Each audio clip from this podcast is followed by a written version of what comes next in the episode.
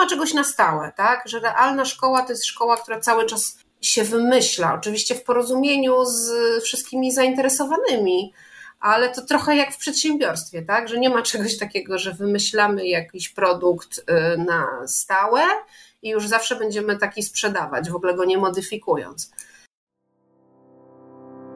Jak odnaleźć się w finansach? Jak sprawić, by pieniądze służyły realizacji naszych celów życiowych? Na te oraz inne pytania odpowiadają goście podcastu Po ludzku o pieniądzach, którego partnerem jest General Investments TFISA i który mam zaszczyt prowadzić. Nazywam się Rodosław Budnicki, na co dzień prowadzę podcast Lepiej Teraz i nie jestem internetowym guru zarabiania. Rozmawiam tylko po ludzku o pieniądzach z ekspertami, którzy zrozumiałym językiem tłumaczą zawiłości finansów i to, jak sprawić, by pieniądze nam służyły, a nie nami rządziły. Serdecznie zapraszam. Witam Was serdecznie w kolejnym odcinku podcastu Po o pieniądzach. Dzisiaj kontynuuję nasz cykl rozmowy na temat edukacji alternatywnej i tym razem zaprosiłem do rozmowy dyrektorkę Bednarskiej Szkoły Realnej, panią Aleksandrę Deszkowską-Kamińską. Serdecznie zapraszam do wysłuchania naszej rozmowy. Dzień dobry Pani Aleksandro, witam serdecznie w podcaście Po o pieniądzach. Bardzo dziękuję, że zgodziła się Pani wystąpić. Dzień dobry.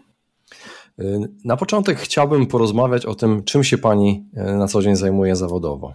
No, mam taką e, rolę, mm, wokół której jest dużo e, przekonań, przesądów, poglądów i wszystkim się z czymś ona kojarzy. Mianowicie jestem dyrektorką liceum, niepublicznego liceum, które nazywa się Bednarska Szkoła Realna.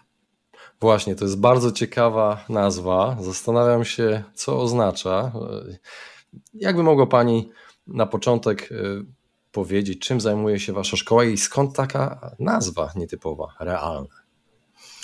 To trzeba wrócić do momentu, w którym myśmy tę szkołę wymyślali. Mm, to było już 7 lat temu.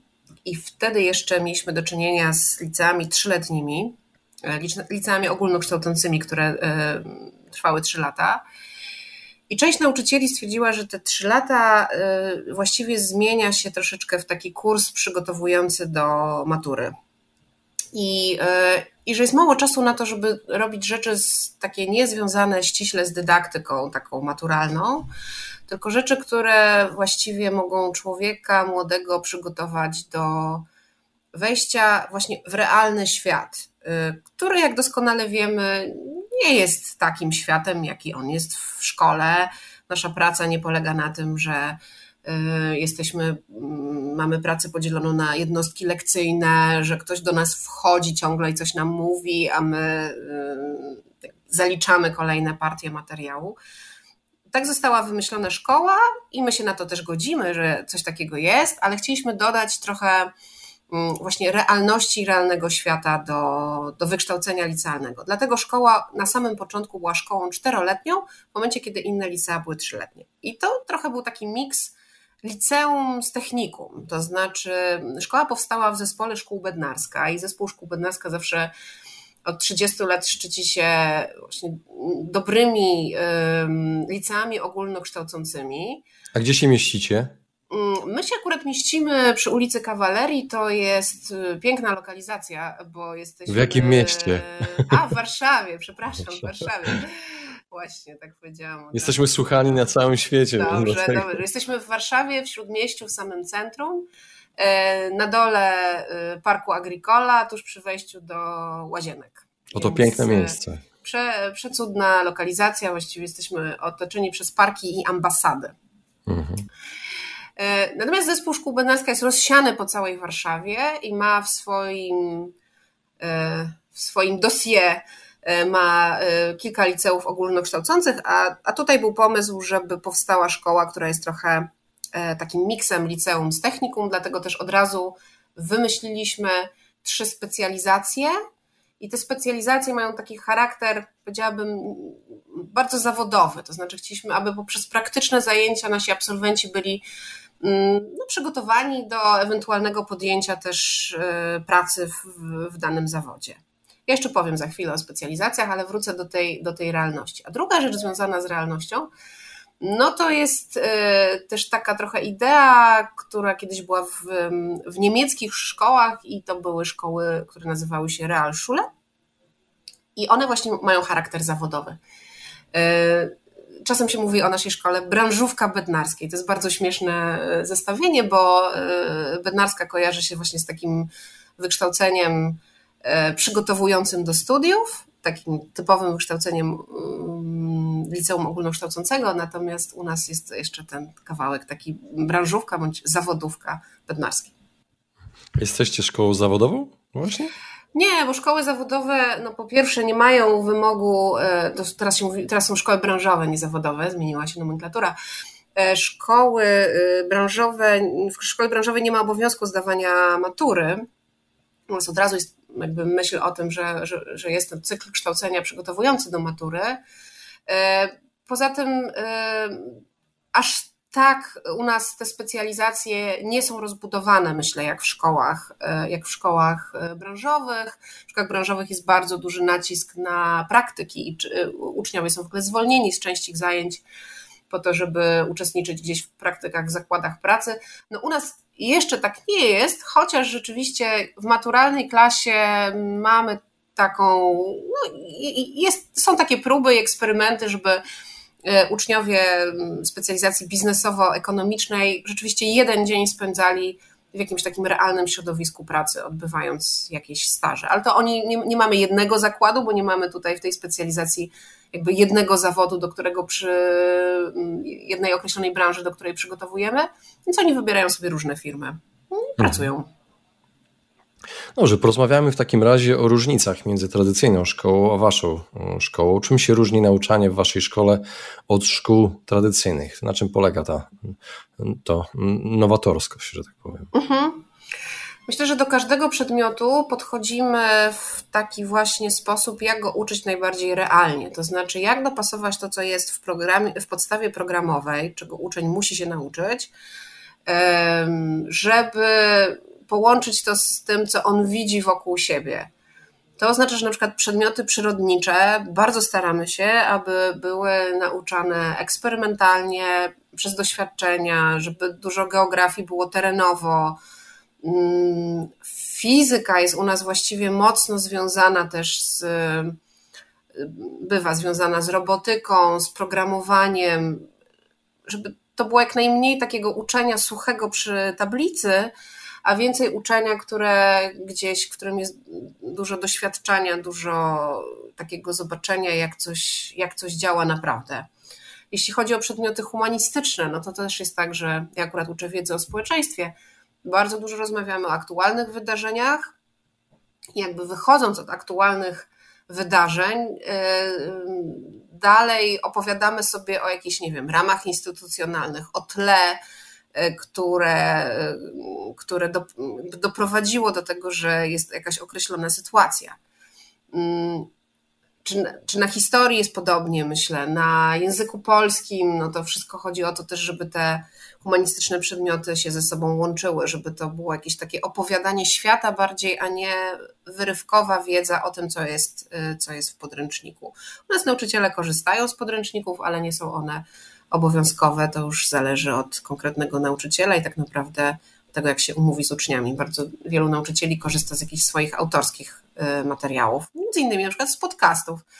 Tu, y, to nie jest wazeliniarstwo, ale, ale tak tak, i, i, i na historii i na WOSie dużo korzystamy z podcastów, z tego typu materiałów, uważając je za taką formę, która właśnie potrafi dostarczyć bardzo dużo jakiejś wiedzy mm, w określonych dziedzinach.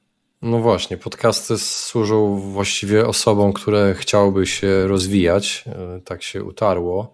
Mniej rozrywkową formą są i bardzo mi się to podoba, że jest młodzież, która szczególnie w wieku mm, właśnie takim licealnym, która słucha podcastów. Mnie czasami zaskakuje, że wiedzą, co to takiego podcasty młodzi ludzie. No u nas, y, powiem w dużym cudzysłowie, muszą, to znaczy, że są po prostu, jest to podawane jako materiał do zajęć. Wow. E, więc, Super. Może tego... Polsko o pieniądzach będzie.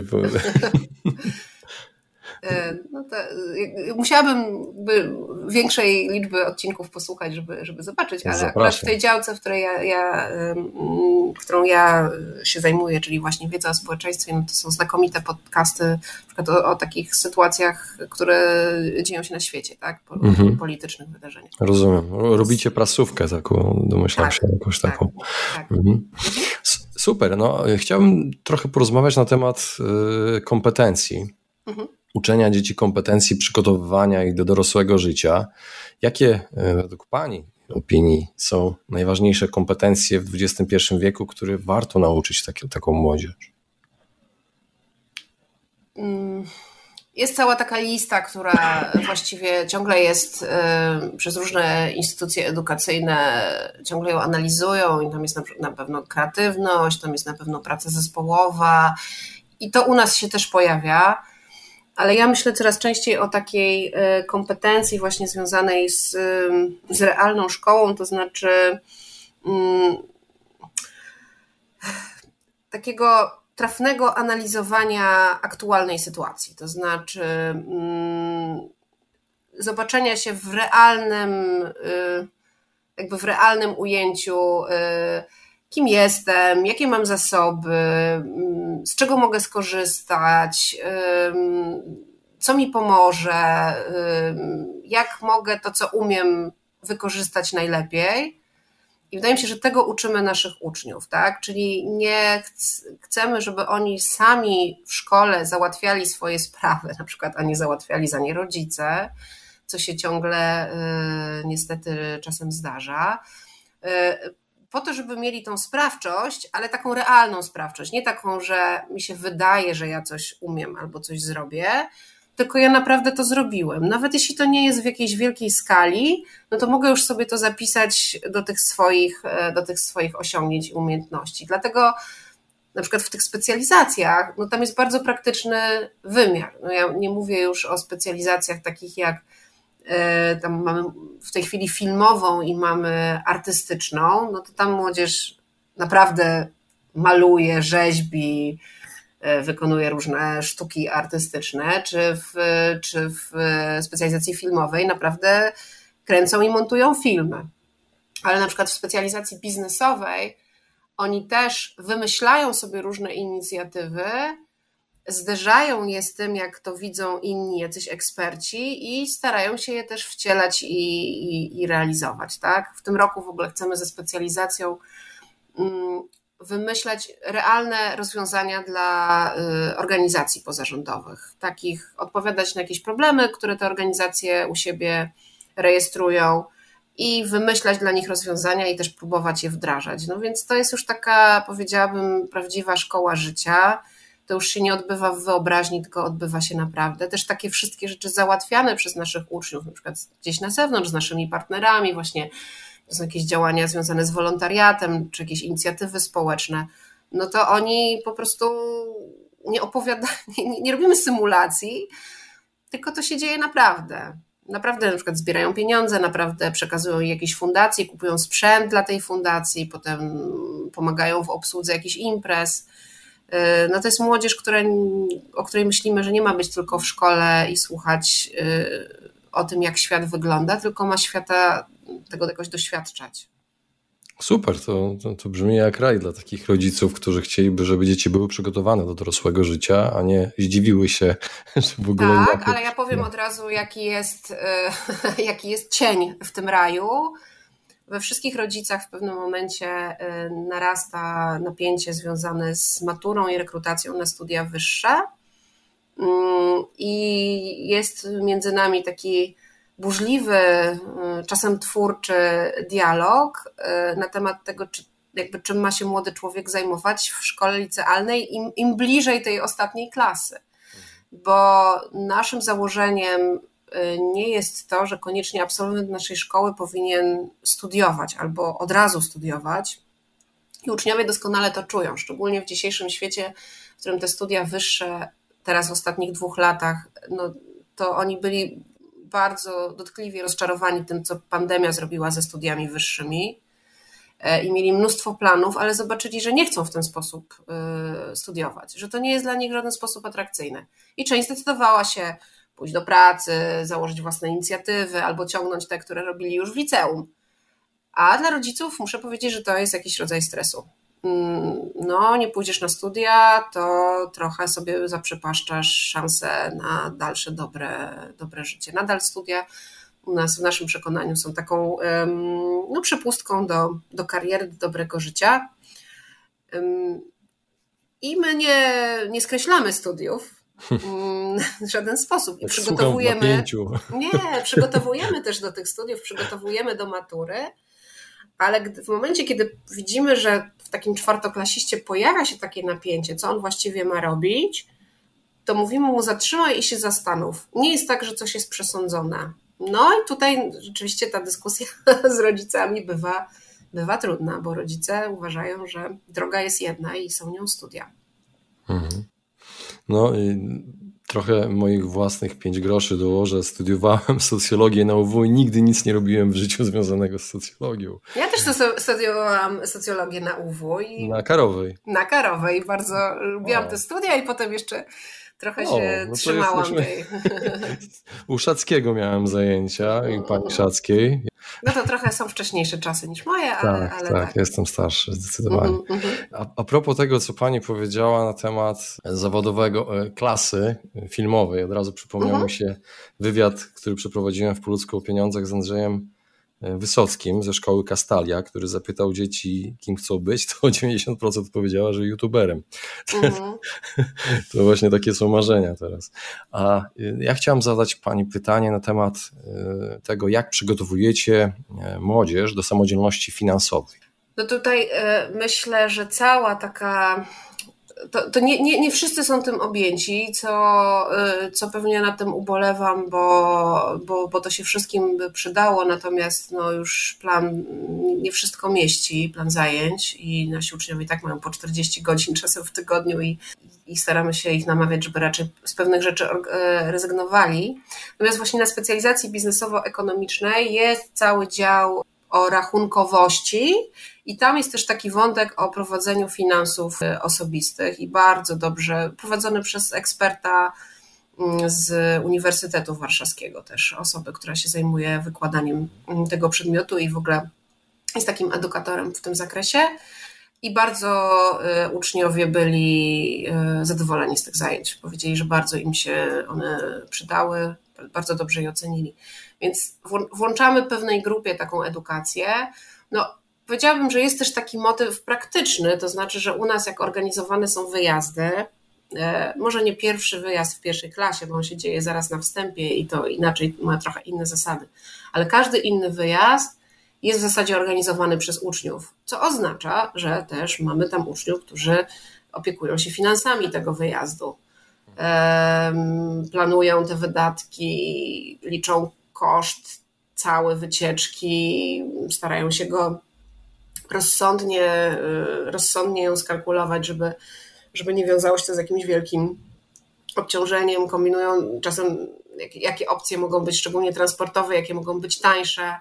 No to jest, I potem rozliczają, tak? Trzymają faktury, zdają te faktury, więc to jest też bardzo taki praktyczny wymiar jakby uczenia się o tym, jak, jak, jak to bywa z finansami.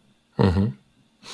E, tak, e, słuchałem na temat tej praktycznej nauki, właśnie, ale zastanawiam się, wy różnicie się właśnie od klasycznych szkół, że więcej tego działania w terenie jest w realnej takiej, e, takiego namacalnego poznawania świata i tego życia zawodowego, między mhm, innymi, uh -huh. ale czy też jakoś inaczej oceniacie uczniów niż klasyczne szkoły? Tak, dążymy. Tylko, że to jest takie dążenie trochę, takie do nie, które się nigdy nie skończy. Dążymy trochę do nieoceniania uczniów. E, system nasz oświatowy w Polsce uniemożliwia całkowitą rezygnację z ocen, to znaczy zawsze musi być ocena na końcu na świadectwie. Można nie, cały rok nie stawiać żadnych ocen, ale musi być jakaś ocena na końcu. I my rzeczywiście w ciągu roku staramy się tych ocen nie stawiać, ale to, że musimy ją wystawić na końcu, to jest to, że na początku roku musimy określić, jaki jest zakres wymagań na daną ocenę w danym roku. No bo nie może być tak, że cały rok Y, mówimy uczniom, dobra, to wyszło dobrze, mm, to, to, to musisz jeszcze poprawić, to umiesz, y, tego nie umiesz, czyli dajemy takie informacje zwrotne, a nie oceny, no ale na końcu musi wyjść z tego jakaś cyferka i to zawsze powoduje napięcie, tak? Bo, bo cyfry po prostu na świadectwach uczniowie są przyzwyczajeni, że one mają znaczenie. No i nauczyciel też musi się na coś zdecydować. No i właśnie są dwie, dwie, e, dwie drogi. Albo jest taka droga, która zakłada, że mm, jakby rozmawianie z tymi uczniami, że te oceny naprawdę mają minimalne znaczenie, również te na świadectwie. Przy czym jest taka sytuacja, że niektórzy uczniowie dbają o ocenę, bo mówią, że mimo wszystko jest to ważne przy rekrutacji na studia zagraniczne. No, studia w Polsce na szczęście to nie jest potrzebne, tylko liczy się wynik maturalny, natomiast oceny na świadectwie często brane są pod uwagę przez uczelnie zagraniczne. E, więc trochę dyskutujemy z tymi uczniami, na ile te oceny są im potrzebne. No a druga rzecz to rzeczywiście określenie jakichś takich wymagań, e, z których na koniec roku możemy z uczniem sprawdzić, na ile on spełnia te kryteria na ocenę. Natomiast bardzo nam zależało na tym i tego się trzymamy, żeby rok y, szkolny nie polegał na tym, że stawiamy mnóstwo plusików, minusików,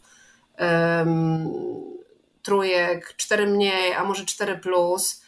To jest system, który jest też bardzo trudny dla nauczycieli. Od razu to powiedzmy, że y, jeśli jakiś nauczyciel mówi, że jemu jest wygodnie oceniać liczbowo, to ja trochę tutaj jestem nieufna w tej kwestii, bo no bo jeśli, potraktuje, jeśli traktujemy uczniów w miarę indywidualnie, patrzymy na ich indywidualne predyspozycje, na to, jaki jest postęp y, w czasie, no to te oceny wiadomo, że to nie, nie, nie, nie przystają do siebie, tak? Oceny mają też ten wymiar porównywania się uczniów między sobą, a tego byśmy bardzo chcieli uniknąć. No, jest to jakaś wy, wycena, wy, wycena umiejętności danego ucznia, więc unikamy ich jak możemy, ale uniknąć ich do końca nie możemy. A druga sprawa jest taka, że po prostu ciągle się o to kłócimy między nauczycielami i też z uczniami. Ciągle dyskutujemy, po co nam są te oceny i do czego nam są potrzebne. Mhm. Pani Aleksandro, powoli zbliżając się do końca, zadam jeszcze pytanie na temat programu. E, jaki jest program Waszego nauczania? Czy w jaki sposób różni się właśnie od, od e, tych szkół mainstreamowych? To znaczy, my oczywiście działamy w oparciu o taką zatwierdzoną e, podstawę programową, ale bardzo do niej podchodzimy w sposób, tak jak nam się wydaje, w sposób twórczy. To znaczy, że tak jak powiedziałam, przedmioty przyrodnicze mamy dość takie skomasowane po to, żeby chemia łączyła się z biologią. Mamy też przedmioty humanistyczne, które uczniowie przygotowują wspólne projekty z y, przedmiotów humanistycznych. Mamy też trochę swoich dodatkowych przedmiotów. Mamy e, przedmiot cyfrowe zajęcia mm, praktyczno-techniczne, który, do którym są elementy mm, mechaniki, właśnie robotyki, trochę programowania, bardzo to łączymy z informatyką. W naszej szkole jest też e, więcej informatyki niż w standardowych szkołach. Mamy przedmiot psychologia i to mamy przez pierwszą klasę w dziesięcioosobowych grupach uczą się uczniowie takich podstawowych różnych pojęć z dziedziny psychologii, uczą się jak działają ludzkie emocje, jak działa ludzki mózg, e, trochę też opowiadają o sobie na tych zajęciach. No to chodzi o to, żeby je w ogóle uwrażliwić na taką kwestię, jak działa człowiek w tym swoim mhm. wewnętrznym świecie. Żeby tak I... bezrefleksyjnie nie przechodzić przez tak, to życie. Tak, i mamy jeszcze taki przedmiot, z którego jesteśmy bardzo dumni, on nazywa się portfolio. I to jest bardzo poważna sprawa, do której wszyscy uczniowie naprawdę uczą się podchodzić bardzo poważnie i to jest wspaniałe, czyli pod koniec roku, gdzieś na przełomie maja i czerwca, e, trwają u nas obrony portfolio, to znaczy, że każdy uczeń prezentuje przed komisją złożoną z wychowawcy, nauczyciela i innego ucznia, prezentuje swoje osiągnięcia z danego roku e, w różnych dziedzinach, tak? To mogą być osiągnięcia naukowe, mogą być osiągnięcia artystyczne, mogą być osiągnięcia społeczne też. E, I, I, opowiada o tym, dlaczego to było ważne dla jego, dla jego rozwoju. I to jest też taki fantastyczny moment, kiedy e, jeszcze, jeszcze lepiej poznajemy naszych uczniów, mając wgląd w ich pasję, w ich rozwój, w ich zainteresowania. E, to jest też świetne doświadczenie dla tych uczniów, którzy, którzy siedzą w komisjach, bo oni mówią, wow, ci moi koledzy to robią takie fantastyczne rzeczy, nawet nie do końca o tym wiedziałem, czy wiedziałam. I to jest przedmiot i można go nie zdać. E, y, to znaczy, my, są tylko trzy rodzaje ocen z tego, y, z tego przedmiotu, czyli jest niezaliczenie, jest piątka albo szóstka Mm, czyli nie można tego zrobić na odwalsie, trzeba to zrobić porządnie, inaczej się nie zalicza. No oczywiście jest szansa poprawy. Nie było tak u nas jeszcze sytuacji, żeby ktoś e, powtarzał klasę e, z powodu nieznanego portfolio, ale jeśli ktoś przyjdzie nieprzygotowany, to, e, to zostaje odesłany do, do, powtórki. Mhm. No i na koniec pytanie, czy wasza forma nauczania to jest przyszłość edukacji? Ja myślę, że, ja myślę, że e, przyszłością edukacji są wszystkie formy, w których e, e, osoby są po prostu zaangażowane w, w szkołę. Tak? Mówię o gronie pedagogicznym, mówię o uczniach i myślę sobie nawet też o, o, o rodzicach. Czyli bo dla mnie realna szkoła to jest szkoła wymyślana cały czas na tu i teraz, na to, co jest w danym momencie potrzebne. Dlatego jak Pan mnie pyta o program, to mi jest też czasem trudno się tak e, odnieść, bo my ten program zmieniamy, tak? Wymyślamy nowe przedmioty, zastanawiamy się, kurczę, tak, tak jest w tym roku. Oni mają niby dużo tej pracy w grupach e, i tej pracy projektowej, ale chyba do końca nie wiedzą, na czym to polega. To zróbmy taki specjalny przedmiot, w drugiej klasie właśnie o, o, o projektach i będą je realizować i, i, będą mieli swojego opiekuna i będą się naprawdę nad tym pochylać, co w danej chwili robią. Ale to jest taki pomysł, który przychodzi jakby z ewaluacji poprzedniego roku i przychodzi na następny. I my nie wiemy, czy ten pomysł wypali, może okaże się kompletną katastrofą wtedy z niego zrezygnujemy. No ale istotą to dla nas jest taka ciągła, że, i to jest bardzo trudne oczywiście, że nie ma czegoś na stałe, tak? Że realna szkoła to jest szkoła, która cały czas się wymyśla, oczywiście w porozumieniu z wszystkimi zainteresowanymi, ale to trochę jak w przedsiębiorstwie, tak? Że nie ma czegoś takiego, że wymyślamy jakiś produkt y, na stałe i już zawsze będziemy taki sprzedawać, w ogóle go nie modyfikując. Więc szkoła jest w ciągłej modyfikacji i wydaje mi się, że przyszłość edukacji to jest właśnie dostosowywanie edukacji do bardzo zmieniającego się szybko świata, czyli musi być taki zwinny zespół do tego i zwinna szkoła taka klasyczna szkoła ma z tym dużą trudność i ja to rozumiem i ja się na to nie, nie obrażam, bo wiem w jakich warunkach też publiczne szkoły pracują, jak są przepełnione, jak mają, bo to, to dużo łatwiej się robi w małej szkole, tak? Nasza szkoła jest małą szkołą, mamy 160 uczniów, a dużo trudniej w szkole, która ma tych uczniów 1000. E, więc, więc tak, dla mnie takie to są szkoły. Natomiast jeśli chodzi o same szkoły realne, no to są szkoły, które powstają trochę jakby w oparciu o to, co my im opowiadamy jest taka szkoła w Lublinie, jest są jeszcze dwie szkoły w Warszawie, jest Wawerska Szkoła i Saska Szkoła Realna. I oni inspirują się trochę naszym podejściem, ale fantastyczne jest, że koniec końców trochę robią to po swojemu. E, wymyślają swoje specjalizacje, wymyślają swoje przedmioty. Mm, jakby to, to, ta nasza współpraca opiera się na, wiem, na, na, dialogu, na jakimś dzieleniu się doświadczeniem, ale nie na takiej sztywnej formule, że tyle macie godzin temu poświęcić. To jakby to się tutaj nie, to, to tak, tak tego nie widzimy. Waż, ważna jest taka odpowiedzialność danej społeczności szkolnej za tą szkołę, którą tworzą. Mhm. Na koniec y, zawsze moich gości proszę o podanie adresu szkoły. Y, mam nadzieję, że to będzie jakaś reklama, ale z tego co słyszę, to chyba nie potrzebujecie reklamy. Jest u Was bardzo dużo chętnych. Z tego co słyszałam, 11 osób na jedno miejsce. Nie, tak chyba to nie. Ale 160 się... osób to jest mało i macie chętnych, sporo. Mam, mamy chętnych, tak. No, to są kolejne lata, to się zmienia. Taki rekordowy to był ten rocznik oczywiście skumulowany, który był w ogóle. To, to, to mhm. była też straszna sytuacja dla wszystkich i dla nas, jako dla szkoły, która też lokalowo nie może przy, przyjąć więcej osób. Rozumiem ale i, i, i, dla tych kandydatów, którzy po prostu brali udział w bardzo niesprawiedliwych e, zawodach. Ale kolejne lata, ta nasza rekrutacja, ostatnie lata to jest około siedmiu osób na miejsce, przy czym trzeba pamiętać, że my jesteśmy szkołą niepubliczną, więc ta rekrutacja jest wcześniej, można e, próbować do różnych szkół, więc to rzeczywiście są osoby, które rozważają naszą szkołę, natomiast nie wybierają jej jako jednej, jedynej e, możliwej, stąd trzeba brać na to, na, na, na to poprawkę. Mhm. No dobrze, w takim razie podam adres bsr.edu.pl Bednarska Szkoła Realna. Tak. Bardzo dziękuję za rozmowę Pani Aleksandra. Dziękuję bardzo.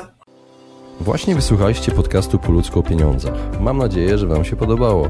Jeśli tak, poświęćcie swój czas, proszę pozostawić swoją recenzję na Apple Podcast. Jeżeli macie pytania lub propozycje dotyczące kolejnych audycji, piszcie do mnie na fanpage'u Po ludzku o pieniądzach i do usłyszenia następnym razem. Pozdrawiam serdecznie.